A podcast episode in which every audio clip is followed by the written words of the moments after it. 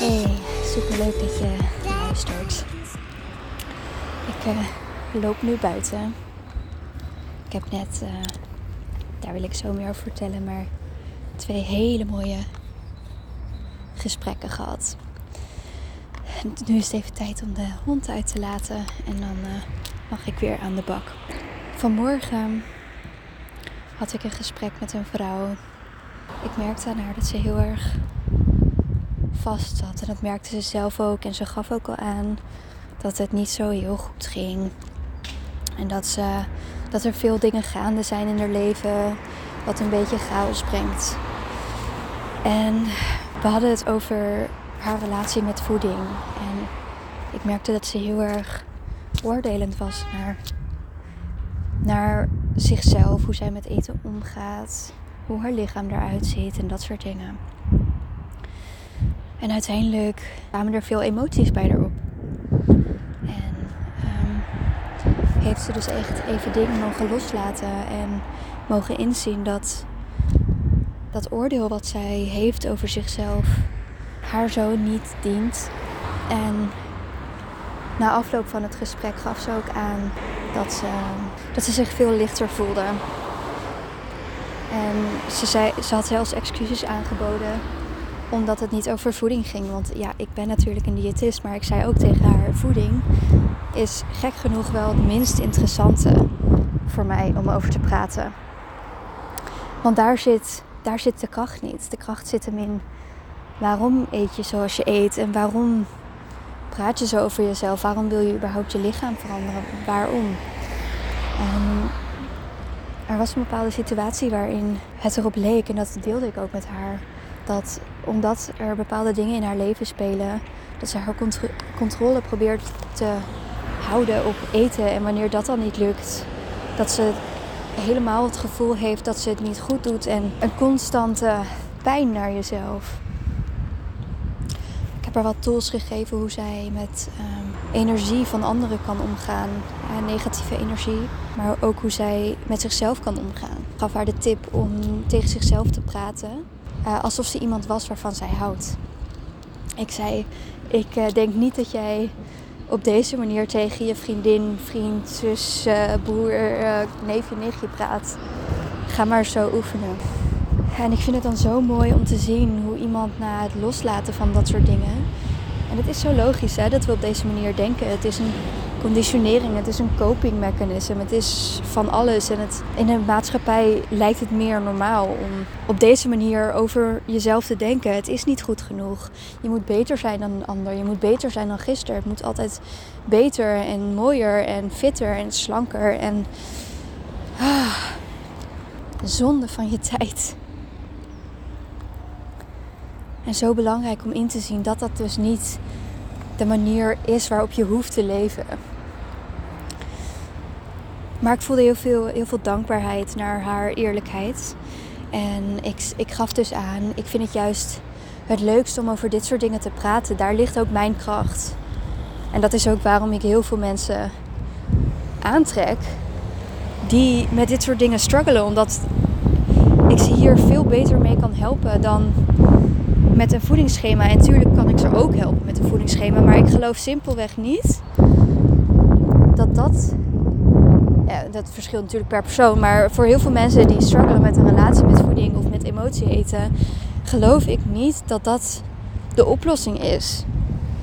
Het is slechts weer je willen vastgrijpen aan iets wat niet 100% bij jou past. Het is iets wat. Ja, ik kan je richtlijnen geven, maar de balans die, die zit hem niet in bepaalde eetregels. De balans zit hem in het leren respecteren van je eigen lichaam. Het leren compassie hebben voor jezelf en voor het proces. En het compassie hebben voor dat het moeilijk mag zijn om hier je eigen weg in te vinden. En toen, en dit vind ik ook zo bijzonder, maar ook weer zo logisch vanuit een spiritueel oogpunt, energetisch oogpunt, dat dit op één dag gebeurt. na elkaar. Maar daarna, kom Biggie, had ik een gesprek met een, een, eh, een jonge vrouw. En ik begeleid haar sinds januari. En zij is bij mij gekomen vanwege haar relatie met voeding die ze graag wilde verbeteren. En uh, eetstoornis verleven, uh, verleden, dat soort, uh, dat soort dingen. En hoe ik haar vandaag zag, na een aantal afspraken te hebben gehad de afgelopen maanden, dat was zo'n wereld van verschil. En ik vroeg haar hoe het met haar ging. En zij zei gelijk, ja, echt heel goed. En toen kwam er een heel mooi verhaal uit hoe ze nu zo goed bezig is met zichzelf. En hoe um, het zoveel beter met haar gaat. En dat ze heel erg probeert te leven vanuit dankbaarheid. En dat ze zoveel heeft kunnen helen. En dat ze ook weer andere manieren heeft gevonden die helpen in haar helingsproces. Um, waaronder breathwork en um, ze ontvangt energetic healings en allemaal mooie dingen. En ik voelde zoveel trots van wauw, in zo'n korte tijd, kijk eens waar je kunt komen. Dus ook voor jullie, hè? neem dit maar mee als motivatie. Iemand die compleet vastzit in een relatie met voeding en eetregels en dat soort dingen. Ook dan kan je twee maanden later gewoon je compleet anders voelen. Gewoon 180 graden draaien. En toen sprak ze haar dankbaarheid naar mij uit en ze zei: Als ik de stap, en ik weet niet of dit de exacte woorden zijn, maar ze zei: Als ik de stap niet had gemaakt om bij jou deze coaching te, af te nemen, dan weet ik gewoon niet waar ik nu had gestaan. En ze zei nog meer dingen en ik voelde zoveel dankbaarheid. En ik merkte dat ik me een beetje emotioneerde, omdat ik gewoon ten eerste zo, het zo mooi vond om te zien hoe zij was gaan is gaan flourishen. Dat er een bepaald zaadje is geplant en dat zij zichzelf water heeft gegeven en licht heeft gegeven en liefde heeft gegeven, waardoor zij is gaan bloeien als de prachtige bloem die ze is. De prachtige ziel die ze is. En ja, ik wilde dit graag met jullie delen om te laten zien of te laten merken hoe fijn het kan zijn om met iemand in gesprek te gaan.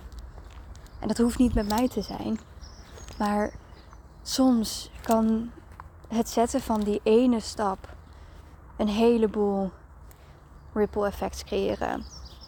Kan dat net creëren dat jij op een ander perspectief ziet die je nodig hebt en dat je je meer opengesteld voelt tot andere mensen en processen en bepaalde helingen waarmee jij nog verder geholpen kan zijn. En ik geloof überhaupt echt in, in het domino-effect. Dat wanneer jij kiest voor jezelf, dat je meer kansen krijgt om te kiezen voor jezelf. Dat je meer, hè, dat er opeens dingen in je schoot geworpen worden en daardoor voel je je nog beter. En je leert anders naar jezelf kijken en je leert anders naar de wereld kijken. En je ziet jezelf niet meer als slachtoffer, maar je weet dat jij zelf de kracht hebt. En dat is zo sterk.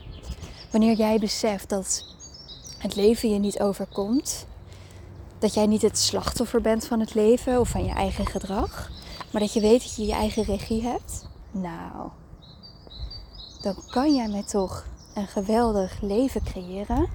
En ik zei het net ook al tegen die cliënt van, er zijn natuurlijk meerdere aspecten waardoor dat gebeurt. Ten eerste zie je mooiere dingen, omdat je bent gefocust op de mooiere dingen en daarmee wordt je leven al mooier. Maar ten tweede ook nog eens omdat je gewoon letterlijk energetisch meer dingen aantrekt die weer mooi zijn. Als jij vanuit dankbaarheid kan leven, ook al heb je soms een slechte dag. En ik zei ook, dat is zo menselijk. Dat is zo menselijk. En dat komt ook zo naar boven om het vervolgens te kunnen opruimen. Binky gaat even in het gras rollen.